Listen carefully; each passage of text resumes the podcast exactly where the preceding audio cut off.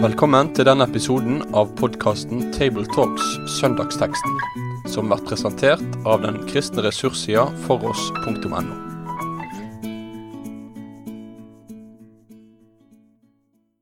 Hjertelig velkommen til en ny utgave av Tabletalks Søndagsteksten. Og i dag har vi faktisk samtalen på et sted som vi aldri har eh, hatt før, og det er faktisk i Trondheim. Ehm, og i dag har vi også litt sånn sjelden sammensetning i, i Tabletalks-gruppa.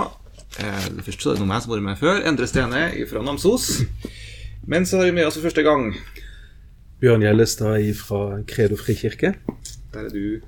Jeg er pastor der. Ja. Det holder jeg til her på Heimdal. Og så har vi Lars Olav Gjøra, som eh, jobber på Gå ut-senteret og uh, i Salem menighet. Fint.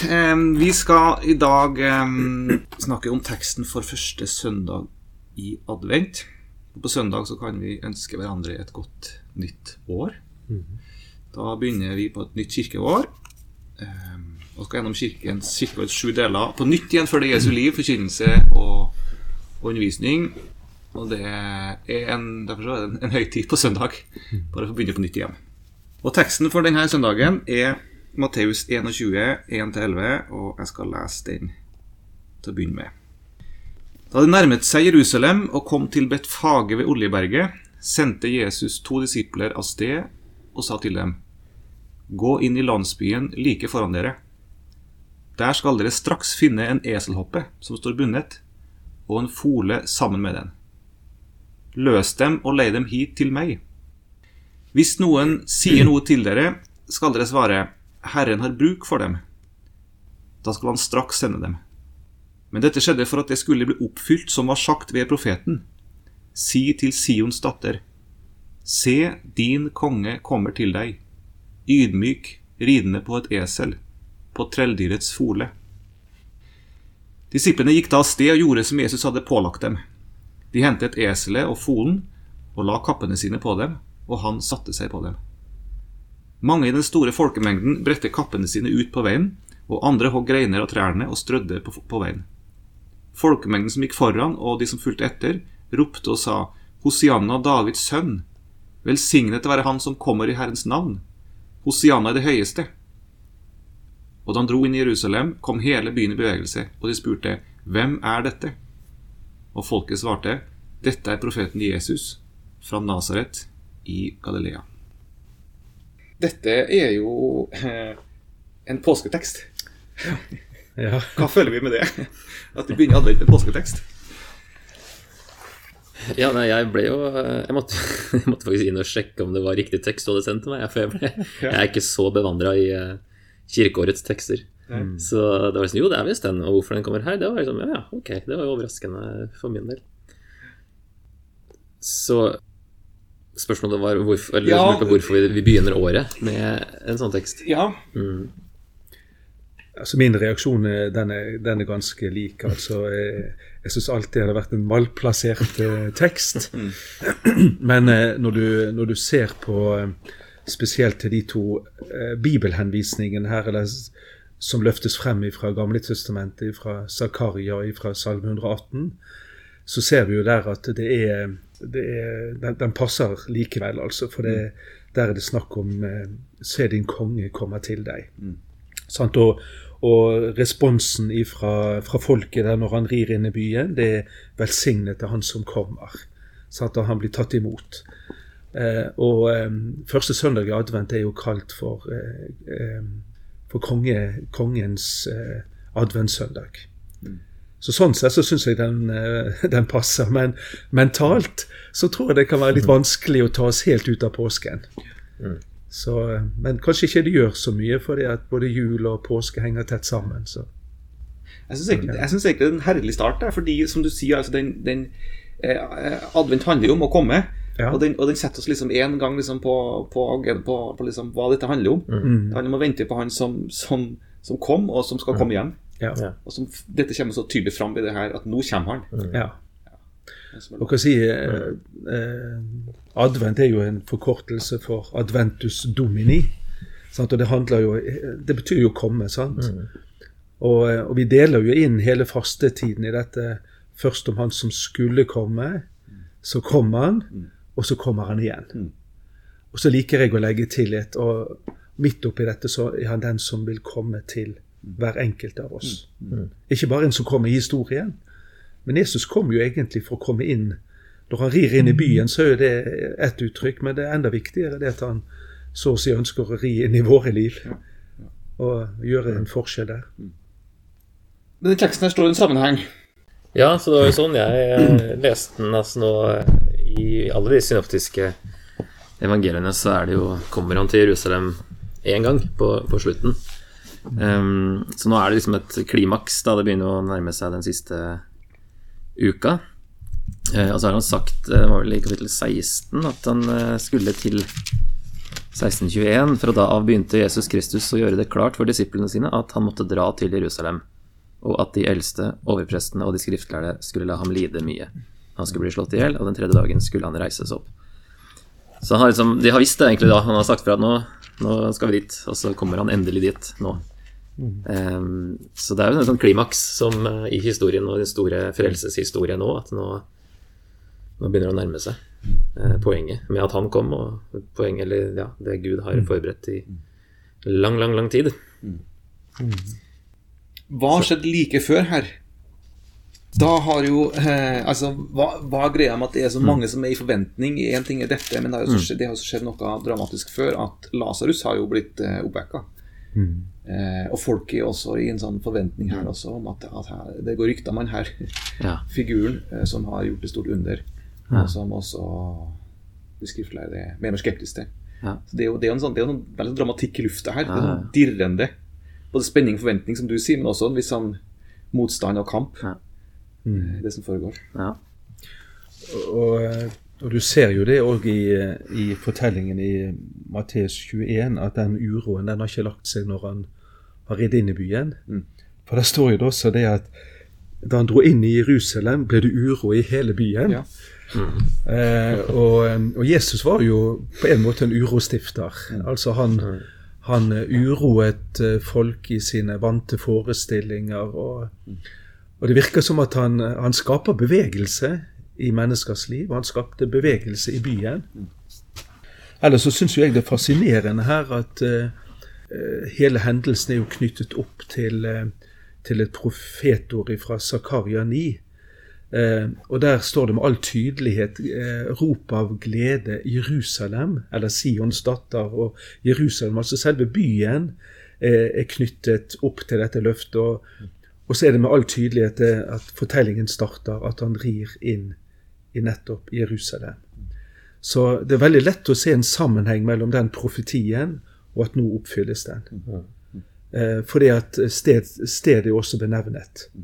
Det er mange profetier som ikke er av den type at det, det er knyttet til sted. Altså, vi vet eh, med Jesu fødsel, altså knyttet til Betlehem. Og så vet vi at dette inntoget er knyttet til Jerusalem. Og Det syns jeg òg var litt interessant å, å se det. det var at også er det en profeti med stedsbenevnelse. Vi skal mer tilbake til Zakaria 9 etterpå. Ja. Men eh, når du, Bjørn, eh, møter teksten her, Ja. hvilken ende begynner du i da? Jo, du, jeg, jeg begynner i slutten. Eh, og det har litt grann med at eh, eh, jeg syns spørsmålet Jeg synes spørsmålet er ofte en god eh, innfallsvinkel til, til en preken. Kanskje handler det litt om at jeg har jobbet mye med alfa i mange år, og der er jo det er konsentrert rundt 14 spørsmålskvelder. Men her er spørsmålet det er hvem er dette?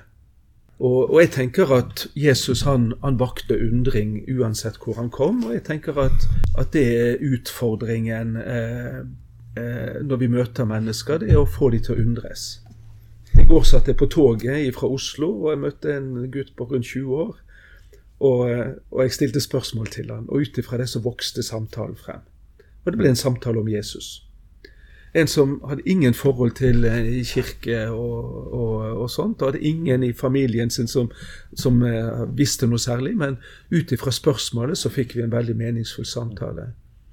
Og da vil jeg stille Jeg vil bygge videre på det spørsmålet. Hvem er, hvem er dette? Hvem er han? Eh, for det er jo det vi egentlig ønsker at folk skal, eh, skal vekkes opp til å stille. Sant? For det er mange som overser eh, Man tenker at man overser hele den kristne tro, og, og Jesus han er en person fra fortiden. Men det å oppdage det at han har aktualitet i, i dag, det tror jeg vi kan få gjennom en del spørsmål. Og da ser jeg i hvert fall tre tydelige, tydelige ting som jeg ville ha trukket frem fra denne teksten. Og det, det, første er jo dette at han er den som har regien på hele greien. Eh, altså Palmesøndag og dette løftet hadde ikke vært oppfylt hvis ikke Jesus hadde tatt regien. Og det ser vi allerede når han, når han eh, sier til disipler at de skal gå inn i byen. Og han forteller hva de skal gjøre der, og han forteller hvordan de skal bli mottatt. Mm. Hvis dere møter noen som, eh, som, stiller spørsmål, så skal dere si at mesteren har bruk for den. Og da tenker jeg å lære litt videre eh, Det er jo nettopp det Jesus ønsker og, og kan ha i menneskers liv. Ha regien. Og, og, eh, og det, er nest, det, er sånn som vi, vi kan se det seinere i påsken òg, at det er lett å tenke at romerne og jødene og alle de som drev Jesus frem til eh, dommen og til korset, at det var liksom de som styrte det. Men så sier jo Jesus at jeg er ikke kommet Det er ingen som tar mitt liv. Jeg gir mm. mitt liv. Mm. Han hadde regien helt til han hang på korset. Og han hadde ikke bare regien bare konkret her ved at han sa hva de skulle gjøre, men det står også at dette skjedde for at det skulle bli oppfylt som var sagt ved profeten. Ja, riktig. Det var, det var en regi som var lagt ja, lenger, bare akkurat den dagen der. Ja, og, og, akkurat det begrepet der med å ha regien, det, det, har blitt litt sånn tale til meg. For jeg tenker at eh, menighetsliv og, og, mitt personlige trosforhold, det handler jo egentlig om er det jeg sjøl som har regien på alt i mitt liv, eller lar jeg Gud få slippe til og, og få ha sin regi? Mm. Og det neste som jeg ville trukket frem, det er at han involverer han involverer jo disiplene i sine planer. Gå inn i byen. sant? Og jeg tenker at det er jo eh, det, Vi ser det gang på gang når, når Jesus nå har metta 5000 i, i ørkenen, foruten kvinner og barn, så det kanskje var en fullstappet Lerkendal stadion kan det ha vært. Så involverer han dere skal gi dem mat. Og jeg tenker at at hele Nytestamentet det forteller om at som kirke så, så fortsetter vi der Jesus slapp, altså. Mm. Dere er Kristi kropp, står det i 1. Korinterbrev 12.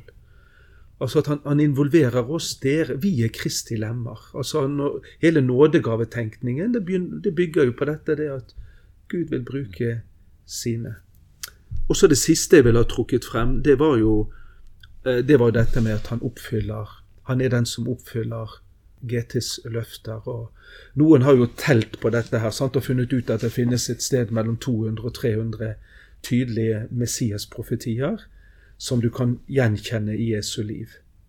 Og 29 av de har de funnet ut, de oppfylles bare på langfredag. Så bare ut ifra det spørsmålet så syns jeg at teksten åpner seg veldig mye for meg. Altså Han har regien, han involverer oss, og han er kommet for å oppfylle Skriftene. Det, det er, så tenke på det med at han kommer for å oppfylle dem. For det er akkurat i Matteus at det, at det er nevnes to dyr. Det som egentlig ser ut til å være en sånn typisk sånn parallellisme da, i ja. Zakaria. Altså, ja. eh, fattig er han og rir på et esel på en eselfole. At det er liksom uttrykk for det samme. da. Ja. Og i, i, de andre evangeliene så er det jo bare et esel, eller ett dyr, da. Mm. Mens her er det to. Og så har jo Matheus fått litt eh, pepper for det, da, at han har misforstått eh, Zakaria eller et eller annet sånt. Men det vil også være ganske naturlig kanskje at det, hvis det her var en eller siden det var en fole da, som aldri har vært noen hadde ridd på, ridd på før, så ville det ja. vært naturlig at mora ble med, si, og at uh, mora var der òg. Mm.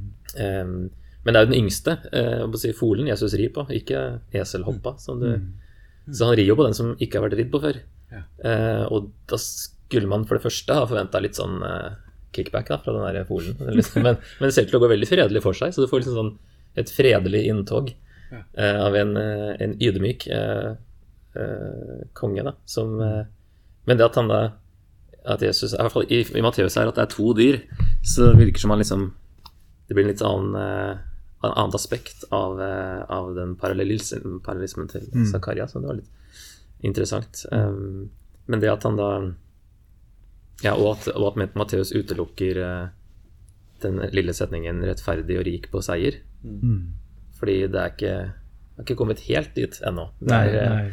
det er ikke liksom Seieren eh, er ikke helt i mål. Nei. Så det er jo sånn de gjør ofte, at de siterer litt sånn for å få frem poenget tydeligere. Det kan jo virke som et sånt misforhold mellom det å si at det er en konge som kommer, og det at han kommer på et esel. For det at å, å se de to sammen, det virker litt som malplassert. Og Jeg husker når jeg var nede i Israel på studietur i, i fjor, og når jeg så noen komme ridende etter en eh, saueflokk eller foran en saueflokk på et esel, så, så virket det sånn, virket som veldig sånn misforhold. Og han satt, som satt oppå det, ble så veldig stor sammenlignet med det, det dyret. Så det var ikke noe sånn staselig gange, sånn som du ser hos en hest. Det var sånn, Han vraltet bortover der. og og jeg ville aldri ha følt det som en trussel hvis en, eh, hvis en i krig kom ridende på et, mm. på et esel. Det ville nesten ha vært latterlig, ville jeg ha tenkt. Og det er jo litt av det interessante der med, med Jesus, at han, han er tydeligvis en annerledes konge. Altså han, han oppfører seg annerledes. Han kommer ikke i slott, han kommer i en fattig stall eller grotte. Eh, han har aldri Han beveger seg aldri i, i hoffet, kan du si. Eh, og likevel så er han så bevisst på dette at han er kongenes konge. Han er Herrens utvalgte. Han er den lovede Messias. Og, og Jesus er aldri Jesus er aldri i tvil om at det er nettopp det han er. Men eh, hele kongetittel er jo knyttet til helt andre verdier og annet tenkesett enn det en romer ville tenke, og det vi i dag ville tenke. sant? Eller det jødene også tenkte, for de ville ha han som, som en jordisk konge her. Ja, ja. Som skulle innta et, et kongsrike Ja, ja. på jorda. Og der, Derfor har Jesus vært veldig sånn forsiktig fram til nå. Mm. Og at han eh, vet folk ikke, ikke si det her til noen. Ja, ja. Fordi det blir bare misforstått. ja, ja. Eh, fordi de forventer en helt annen Mm. Messias. Eh, mens her så er liksom jeg vet ikke, han- Ja, den, den profetien i Zakaria 9, ja, den tar vi nå. Liksom, nå. Ok, gå og hent et par esler, Ja, ja. og så, og så rir vi inn og får liksom eh, lette litt på sløret, da. Og, for det var jo en messiansk tekst som eh, var kobla til Sånn skal Messias komme. Men så, så kommer han på en Han kommer jo i sivile klær og på, som du sier, litt, ikke sånn veldig staselig måte. Nei. Eh, for å sende noen småsignaler, da, kanskje, om at eh, han er Messias, men en annen, mer ydmyk Messias. Da. I dag er jo det sånn at hvis en, hvis en kongelig skal ut og reise, så legger alle merke til det. Ja. Og Jeg husker det når eh, dronning Elisabeth skulle til USA for en del år siden. Så eh, tror jeg det ble nevnt at det var ca. ti tonn med bagasje med. Knyttet til hennes reise der i landet. Og, sant? og det ble jo gjort stas på, og det kommer i alle medier og allting. Og da er det, da er det mer hele det ytre opplegget som, som, eh, som viser kongeverdigheten. Mens hos Jesus så er det helt andre ting som, som eh, gjør at han er virkelig kongen. Da. Jeg, jeg syns bildet av Jesus som kommer ridende på et selv eselfol her, som du ser, jeg synes det er helt nydelig. Eh, For han, han, han, han signaliserer om liksom helt tydelig snakka om at han kommer som konge. Han er en konge, Ja. med at han rir inn. Det var sånn konger gjorde, de rei jo liksom inn i en by. Ja. Men han, han er en helt annen konge, han har et helt annet rike Ja. enn det mennesker forventer. Det, det, det er sånn helt nydelig bilde av Jesus sittende der på det eselet. Liksom. Ja. Eh, og, og, og Luther sier noe om det. En kristen, altså, Han sier noe om hvilket, hvilket kongerike Kristus kommer Ja, for. ja. En kristen er ikke døpt for å samle penger og bli rik her på jorden. Nei. Det kan han bli uten evangelium og dåp. Ja. Men han er døpt for at han ved Kristus skal få det evige liv. Det er liksom et helt annet rike. Og så sier han videre Kristus inntok sitt rike for å overvinne synd, død og djevel for vår skyld, og feie ut av oss all urenhet ved sitt blod og sin hellige ånd. Ja. Det, det, det er et åndelig rike Kristus kommer for. Og så, sånn, det, det er et sånt nydelig bilde. Ja, ja. Han signaliserer det med å komme inn men på en hest eller på, på, på en esefole. Og så, han sier jo også dette at mitt rike er ikke av denne verden. Og da tenker jeg det er heller ikke av verdens standard. Altså, Det er både et usynlig rike, men det har også en helt annen standard. Og det er jo akkurat det du sier der, altså. Og jeg, og jeg synes jo også eh, det, det verset som knyttes opp da, til, i, i Sakarias 9, sier noe om hvilken, hvor han hvor han er konge hen. Mm. Se, den kongen kommer til deg um, ydmyk ridende på et esel. Altså han, han, er en konge som er ydmyk, og som vil være konge i mitt hjerte. Mm, ja. Det er der være konge. Og da, og for å komme inn til mitt hjerte, så du kan ikke komme som hersker og liksom som trussel. Da må man komme eh, mild og saktmodig og komme ydmyk til meg. Først da kan jeg tro at denne kongen vil ha meg å gjøre.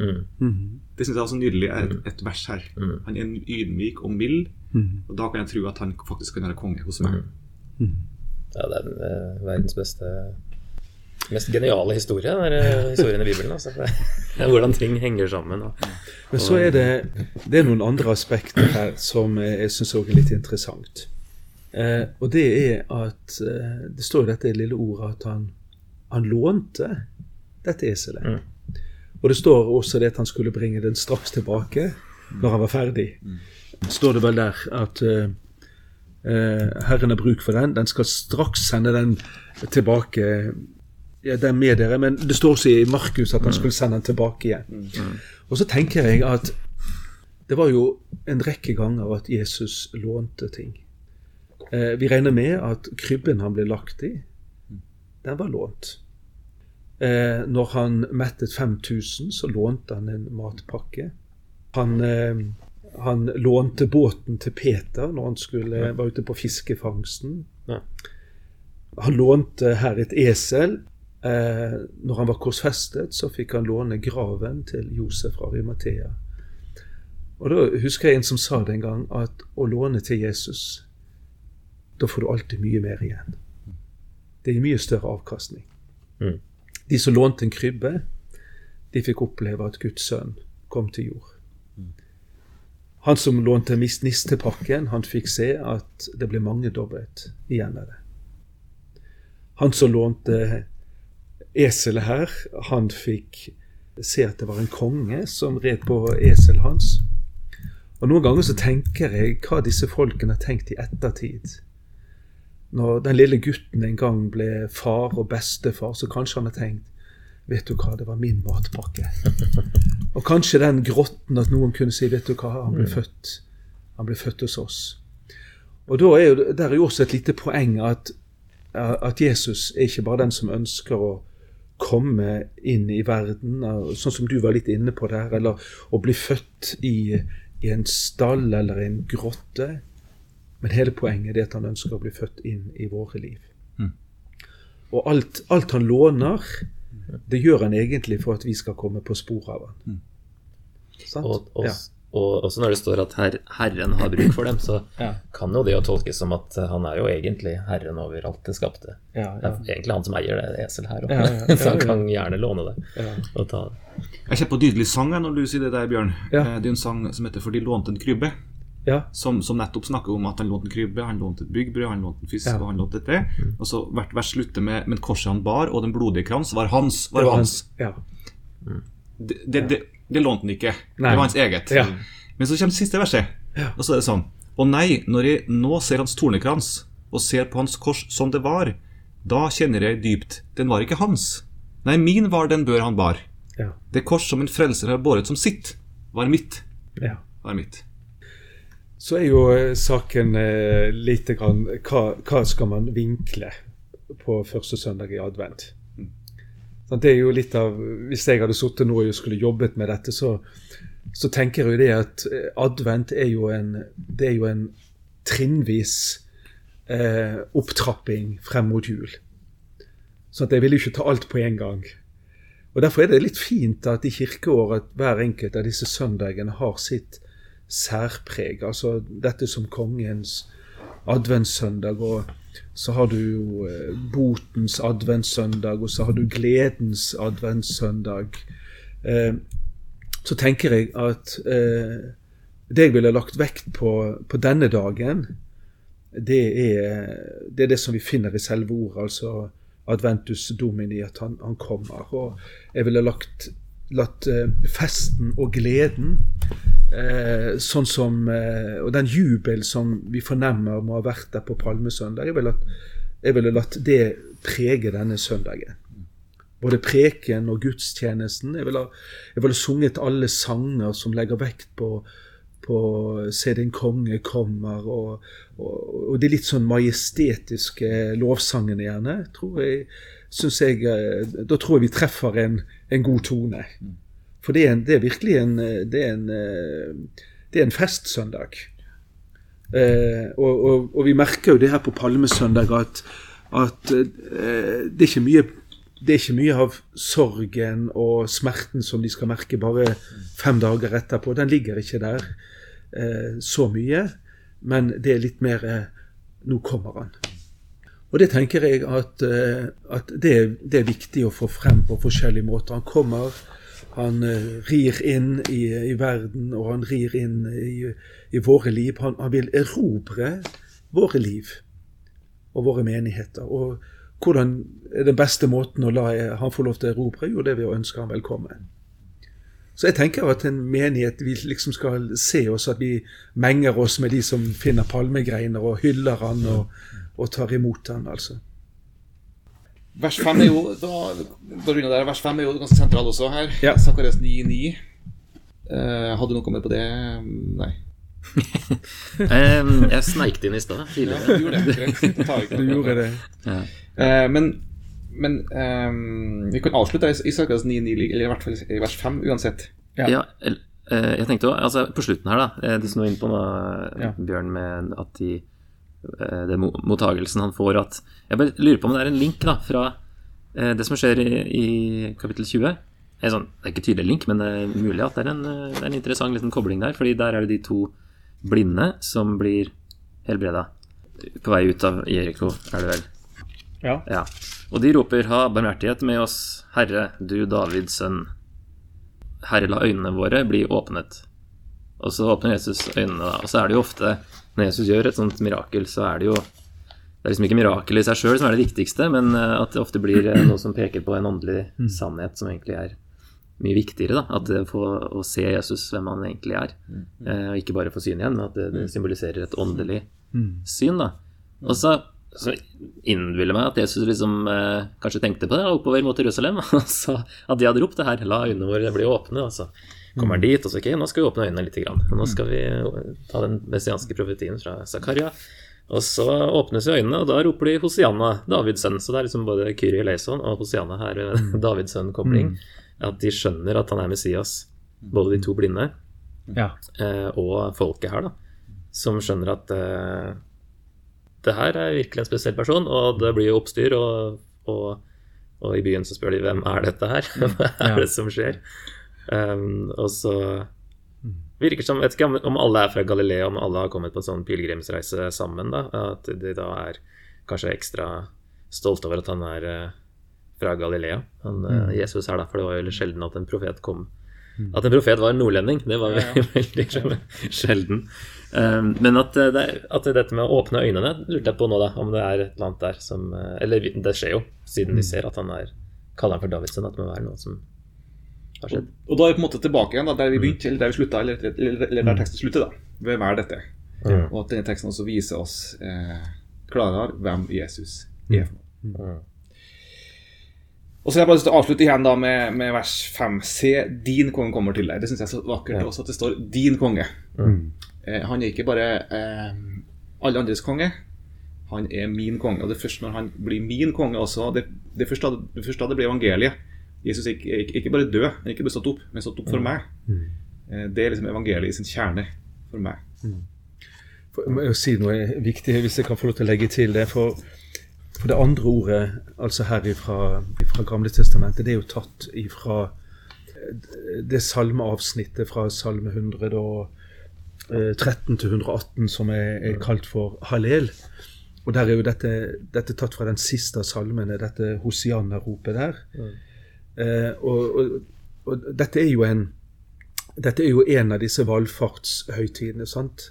Og da leste jo de fra, fra salmene mm. Vi hører at Jesus, da de hadde sunget lovsangen, f.eks. skjærtorsdag, så var jo det bl.a. dette salmeavsnittet. Eh, og det lille ropet der, Hosianna, det har jo flere betydninger, men en av hovedbetydningene det er gi frelse. Mm. Og da tenker jeg at det, der ser jeg jo sammenhengen også med, med Se din konge komme til deg, din konge, som du Mm. sier. Og så er svarropet ja, må du gi frelse. Mm. Og det syns jeg er nydelig. For det er jo nettopp det gjensvaret Gud lengter. Ja, gi frelse. Jeg vil ta imot din frelse. Sant? Eh, og så at de sier Nå sier sier vel, 'velsignet er han som kommer i Herrens navn', eh, så er det også et sånt rop. Ja, kom. Jeg vil gjerne at du skal være min konge. Du skal være inn, ikke bare i byen vår, men ri inn i våre liv. da. Og Med de ordene tror jeg vi slutter av med en bønn. Også om at han må være det i våre liv. Ja, Herre, vi takker deg for det at du eh, rei inn i Jerusalem. Takk også for det at du ikke rei utenom, Herre, for det kunne du ha gjort.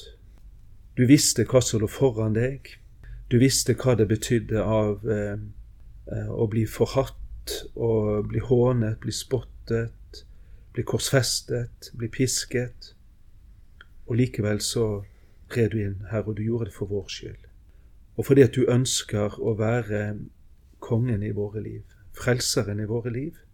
Og vi takker Herre fordi at du kom ydmykt, og du kom med din nåde, og du kom med din frelse. Og Herre, måtte denne adventstiden også gi oss både et nytt glimt av at du kom, at du kommer til oss, og at du en dag skal komme igjen. Herre, det lovpriser vi deg for. Amen. Med det sier vi takk for følget for denne gang. Finn flere ressurser, og vær gjerne med å støtte oss på foross.no.